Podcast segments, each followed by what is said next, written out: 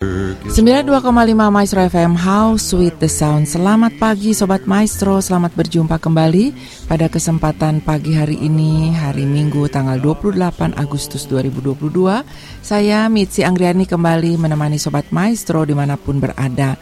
Bagaimana kabarnya Sobat Maestro? Saya berharap setiap kita boleh tetap menikmati kebaikan Tuhan Serta bersyukur Dan kita boleh uh, sama-sama uh, datang kepada Tuhan dengan penuh kerinduan saat ini ya. Baik Sobat Maestro, bagaimana juga kabarnya buat Sobat Maestro yang sudah lanjut usia, yang selalu setia mendengarkan 92,5 Maestro FM? Biarlah setiap kita juga boleh punya kerinduan kehausan akan firman Tuhan dan saya percaya setiap kita boleh diberkati dan diberikan kekuatan baru hari lepas hari. Allah kita berkuasa dan dia punya otoritas dalam setiap kehidupan kita. Oleh sebab itu, biarlah kita boleh mengandalkan Tuhan saja, datang kepadanya, bersandar kepadanya, dan selalu berharap kepada dia Allah yang berkuasa itu. Baiklah Sobat Maestro, kita akan sama-sama siapkan satu ayat saja dari kitab Wahyu. Wahyu 19 ayat 6. Kita siapkan bersama-sama dan mari sebelum kita berdoa kita mendengarkan kita berdoa terlebih dahulu. Mari kita berdoa. Terima kasih Tuhan Yesus. Kami mengucap syukur kepadamu.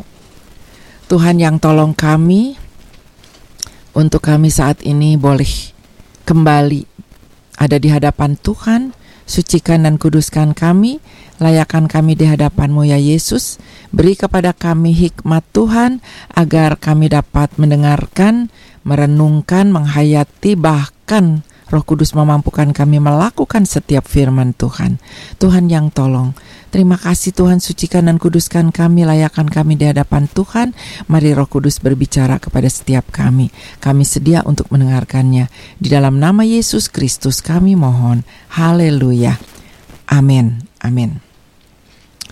Sobat Maestro Wahyu 19 ayat 6 bunyinya demikian. Haleluya. Karena Tuhan Allah kita yang maha kuasa telah menjadi raja. Sobat Maestro, Tuhan berada di atas tahtanya. Rasul Yohanes mengucapkan kata yang membesarkan hati kita ini dengan penuh semangat di dalam Wahyu 19 ayat 6 tadi bahwa Tuhan Allah kita yang maha kuasa telah menjadi raja. Ya, dia berada di atas tahtanya karena dia raja. Tetapi Allah kita yang berkuasa itu juga adalah Allah yang memberikan kepada kita pendampingan lewat kuasa roh kudusnya yang selalu menyertai kita. Bahkan yang ada di dalam hati setiap orang percaya. Luar biasa Allah kita yang berkuasa itu Sobat Maestro. Kadang-kadang Sobat Maestro, seolah-olah penguasa alam semesta ini tidak ada ketika kita melihat fenomena yang ada saat ini, ke mana ya Allah? Ya mungkin ada juga di antara sobat maestro yang sedang menantikan jamahan Tuhan, menantikan jawaban doa. Tetapi apa yang diharapkan tidak kunjung tiba. Atau ketika kita melihat fenomena yang ada saat ini dalam dunia ini.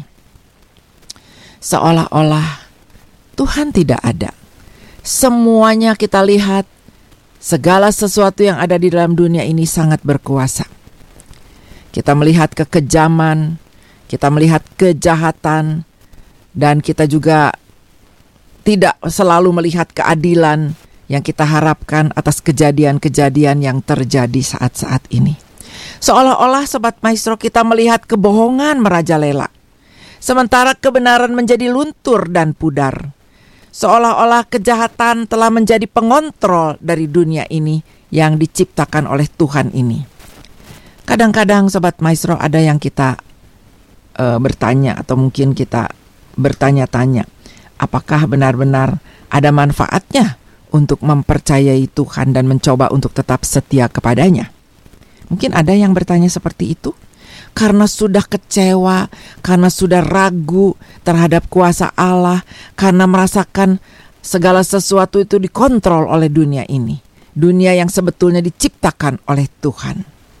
Sobat Maestro, Rasul Yohanes hidup di dalam dunia yang tidak terlalu jauh berbeda dari kita saat ini. Tentu saja ketika dia menulis kitab Wahyu, dia tidak duduk menulis di sebuah ruang belajar gereja yang menyenangkan atau di sebuah perpustakaan kampus yang dikelilingi dengan buku-buku dan murid-murid yang mengaguminya. Tidak seperti itu. Ketika Yohanes menulis Wahyu, dia adalah seorang tahanan pemerintahan Romawi. Dibuang dan dikucilkan di Pulau Patmos yang dikelilingi air laut dan terpisah dari orang-orang yang dicintainya. Bayangkan Sobat Maestro, seandainya kita, Sobat Maestro dan saya yang menjadi orang yang uh, seperti Yohanes saat itu. Bahkan dia sudah orang menjadi orang tua ya, yang sudah berumur, yang sudah melayani Kristus dengan sepenuh hati. Dan sekarang dia ada sendirian di dalam pembuangan. Dia menderita karena imannya.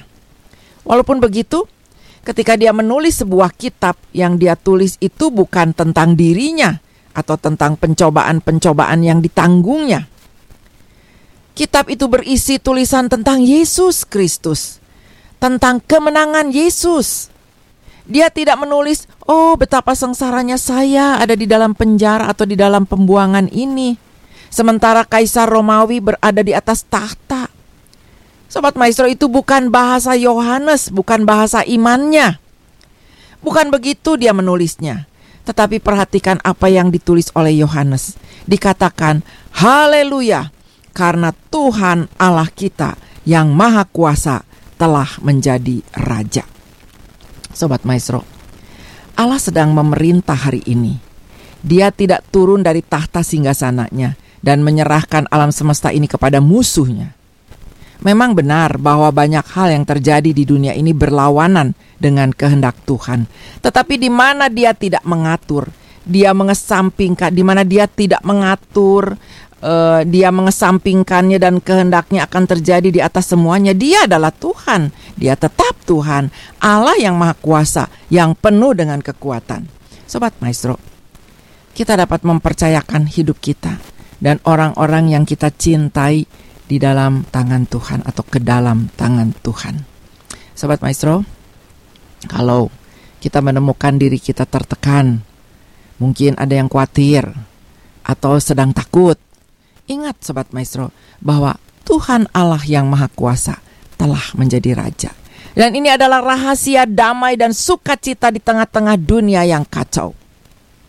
Dan rahasia inilah yang menguatkan Nabi Yesaya juga ketika dunianya runtuh waktu itu. Waktu itu bangsa Yehuda dipimpin oleh Raja Usia, seorang yang telah melakukan hal-hal yang luar biasa bagi rakyatnya. Tetapi suatu hari, Raja Usia itu meninggal. Dan Yesaya berpikir bahwa semuanya itu akan berakhir. Dia memberitahukan kepada kita tentang hal itu dalam kisah uh, kisahnya yaitu di dalam kitab Yesaya pasal 6 di dalam nubuatannya. Dikatakan dalam tahun matinya Raja Usia, aku melihat Tuhan duduk di atas tahta yang tinggi dan menjulang, dan ujung jubahnya memenuhi bait suci. Betapa hebat pemandangan yang dilihat oleh Yesaya. Dan saat itu di dunia orang-orang orang-orang berduka, tetapi di surga para serafim memuji Tuhan dan berkata, Kudus, kudus, kuduslah Tuhan semesta alam. Seluruh bumi penuh kemuliaannya. Sobat Maestro, penglihatan tentang tahta Allah telah mengubah Yesaya yang muda dan hal ini membuatnya sebagai orang yang baru. Yesaya tidak duduk mengeluh, tetapi menyerahkan dirinya untuk Tuhan dan pergi keluar serta mulai bersaksi. Sobat Maestro, demikian juga Rasul Paulus. Rasul Paulus mempunyai pengalaman yang sama. Hal ini dicatat di dalam kisah para rasul pasal 18. Paulus harus datang ke kota Korintus untuk berkhotbah dan untuk membangun gereja dan pelaksanaannya betul-betul sangat sulit. Pada mulanya Korintus adalah sebuah kota yang penuh dengan kejahatan. Sobat Maestro, sehingga Paulus pada waktu itu merasa ingin berhenti saja meninggalkan pekerjaan pekerjaan yang dilakukannya itu. Tetapi pada suatu malam, Yesus datang kepada Paulus dan berkata, "Jangan takut, sebab aku menyertai engkau, sebab banyak umatku di kota ini." Kemudian Paulus tinggal di Korintus selama satu tahun enam bulan. dan kemudian membangun gereja yang penuh dengan kesaksian. Apa yang membuatnya berbeda? Yaitu Paulus menemukan bahwa Tuhan masih tetap ada di atas tahtanya. Tuhan adalah Allah yang berkuasa. Dan itulah yang akan uh, kita dan uh, sobat maestro dan saya temukan juga jika kita ingin mencapainya di dalam dunia yang sulit ini. Sobat maestro, ketika saya mendapatkan atau saya sedang merenungkan bahwa suami saya dipanggil pulang dalam usia yang menurut saya belum tua ya Lalu waktu itu ada satu pertanyaan dan sebuah permintaan. Tuhan, belum 70. Tuhan sudah panggil. Mungkin itu salah satu uh, pertanyaan yang uh, membuat saya mungkin bertanya terus dan juga mungkin salah satu di sudut lubuk hati saya ada sesuatu yang kurang buat saya gitu ya. Tetapi dalam saat yang sama selalu Roh Kudus berbicara itu adalah otoritasku. Itu adalah kedaulatanku. Sobat Maisol, ketika saya mendengar suara Roh Kudus yang lembut itu dan mengatakan itu adalah otoritasku dan itu adalah kedaulatanku, maka hati saya menjadi lumer dan kemudian saya bisa berserah dan mengucap syukur.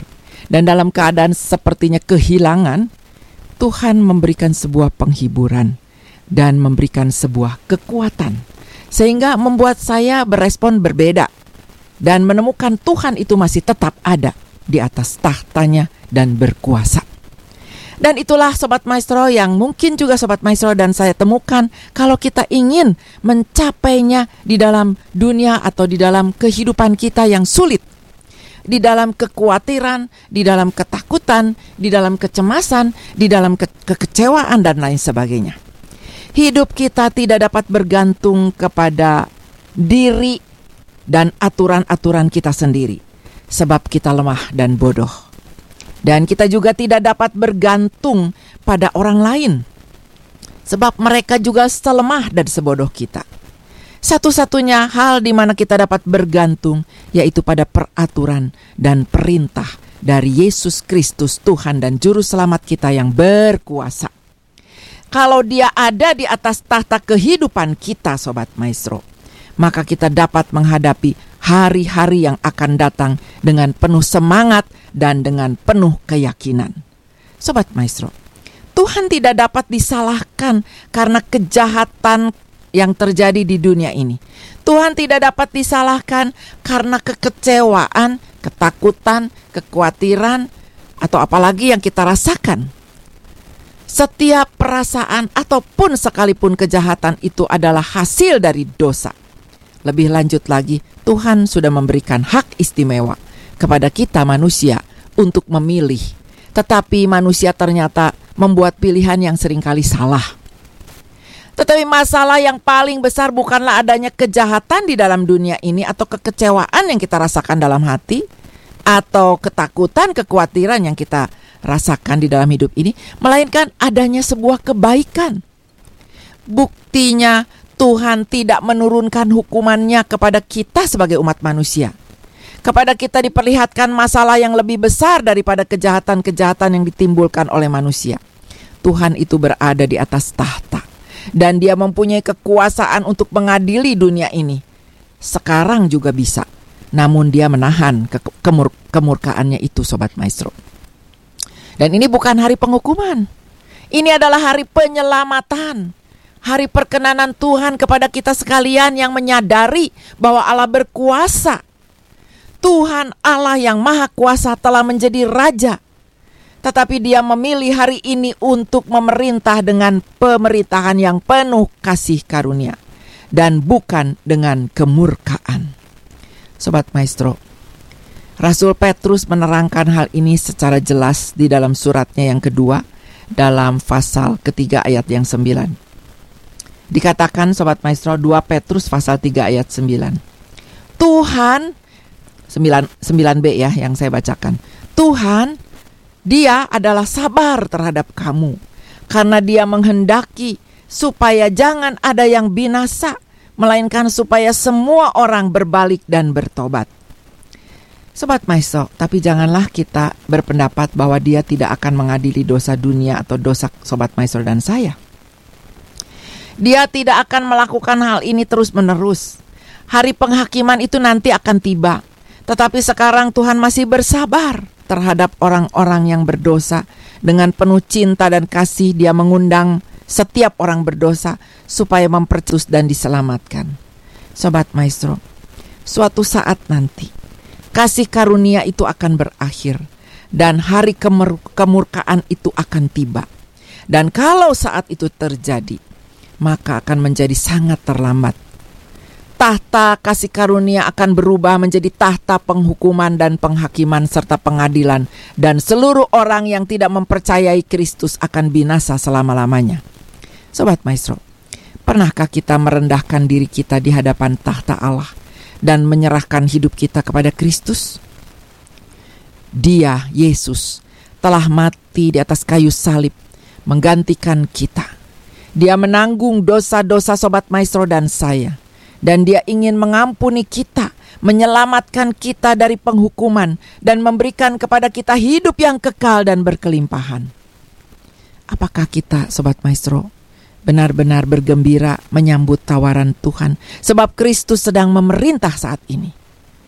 Apakah Dia memerintah atas kehidupan Sobat Maestro dan saya? Sebuah pertanyaan untuk kita renungkan, Sobat Maestro. Kalau Dia berada di atas tahta hati kita, maka kita dapat menghadapi hari-hari yang akan datang dengan penuh kesukaan, dan kita bisa berkata seperti juga yang ada di dalam Kitab Wahyu yang dikatakan oleh Yohanes. Haleluya!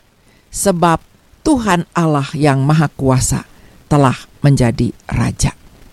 Sobat Maestro, saya tidak tahu keadaan Sobat Maestro saat ini. Tetapi mari kita sama-sama mengoreksi diri kita, mengintrospeksi dan mengoreksi diri kita. Apakah kita sudah jauh dari Tuhan? Apakah kita saat ini sedang ada di dalam dunia kita sendiri? di mana mungkin kita sedang sibuk dengan diri kita sendiri, mencari sesuatu yang dunia, yang duniawi, lalu juga kita menghadapi kesulitan, menghadapi kekhawatiran, menghadapi ketidakadilan, menghadapi sakit hati, menghadapi ketakutan, menghadapi kejengkelan. Sobat Maestro, saya tidak tahu. Sobat Maestro bisa menjawabnya sendiri. Bagaimana keadaan hatimu? Sobat Maestro, Pernahkah kita saat saat dalam keadaan seperti itu kita datang kepada Tuhan, merendahkan diri kita di hadapan tahta Allah dan menyerahkan hidup kita kepada Kristus. Ingatlah, Tuhan Yesus sudah mati di atas kayu salib untuk menggantikan dosa-dosa kita. Dan dia sangat ingin mengampuni dosa kita. Oleh sebab itu datanglah kepada Tuhan dia ingin menyelamatkan kita dari penghukuman dan dia mau memberikan kepada kita hidup yang kekal dan berkelimpahan. Tuhan akan menolong kita memberikan kegembiraan hati yang damai sejahtera, dilepaskan dari segala belenggu, dibebaskan dan kita boleh menerima keselamatan yang utuh dari Tuhan dan kehidupan yang didampingi senantiasa. Kalau dia berada di tahta hati kita sobat maestro, maka kita dapat menghadapi hari-hari yang akan datang, yang mungkin penuh dengan pertanyaan dan misteri. Tetapi kita tetap dapat berkata seperti Rasul Yohanes, "Haleluya!" Sebab Tuhan Allah yang Maha Kuasa telah menjadi Raja.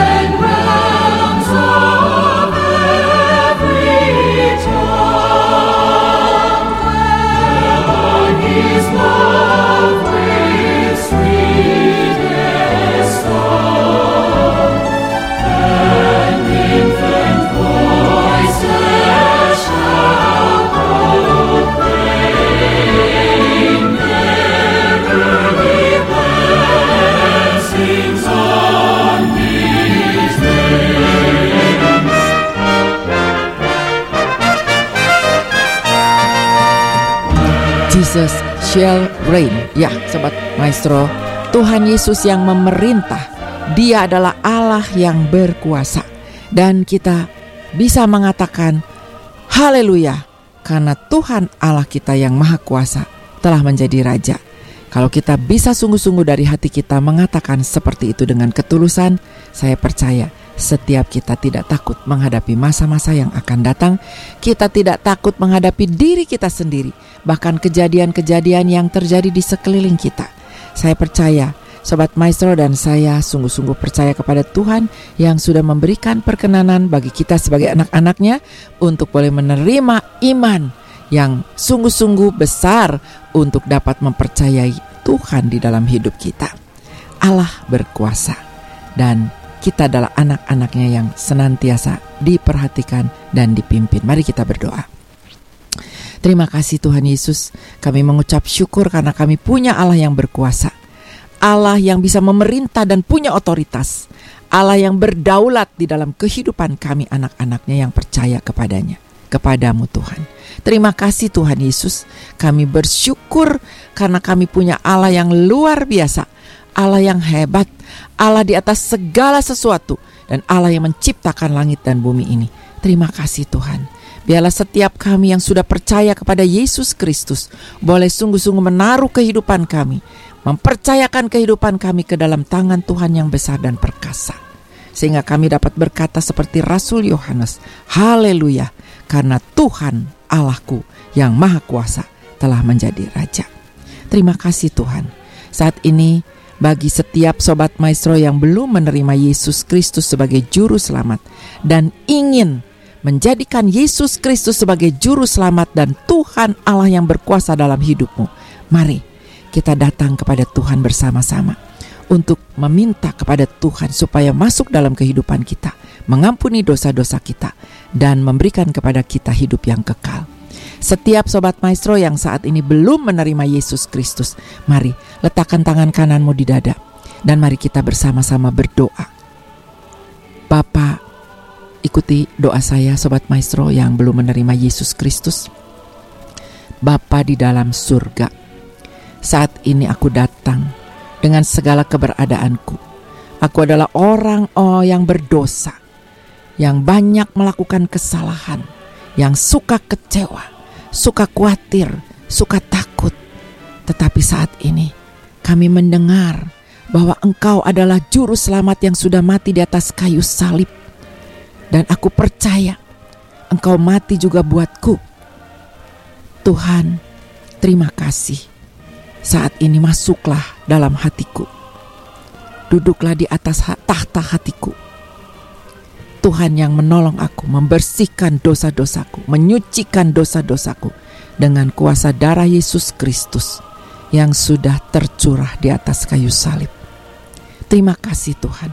Saat ini Engkau yang bertahta di atas hati, di atas tahta hatiku, dan Engkau yang mengatur hidupku. Terima kasih Tuhan, Engkau sudah ada dalam hatiku, dan aku selamat di dalam Engkau. Aku percaya bahwa Tuhan sudah memberikan pengampunan dosa dan keselamatan jiwa. Terpujilah Engkau Allah kami di dalam nama Yesus Kristus. Aku berdoa. Amin. Amin. Sobat Maestro siapa pun, Sobat Maestro saat ini yang sudah mendengarkan, yang sudah percaya lama, yang sudah baru saja menerima Yesus Kristus, Tuhan Yesus ada dalam hati kita. Dia berkuasa dan kita bisa berkata, Haleluya, karena Tuhan Allah kita yang Maha Kuasa telah menjadi Raja dan berat, ber, bertahta di atas hati kita, bertahta di uh, hati kita masing-masing. Baiklah Sobat Maestro, saya Mitzi Anggriani dari Geraha Maestro akan segera undur diri dan Tuhan akan menolong setiap hidup kita ke depan. Tuhan memberkati kita semua. Shalom, damai sejahtera Tuhan beserta dengan kita sekalian.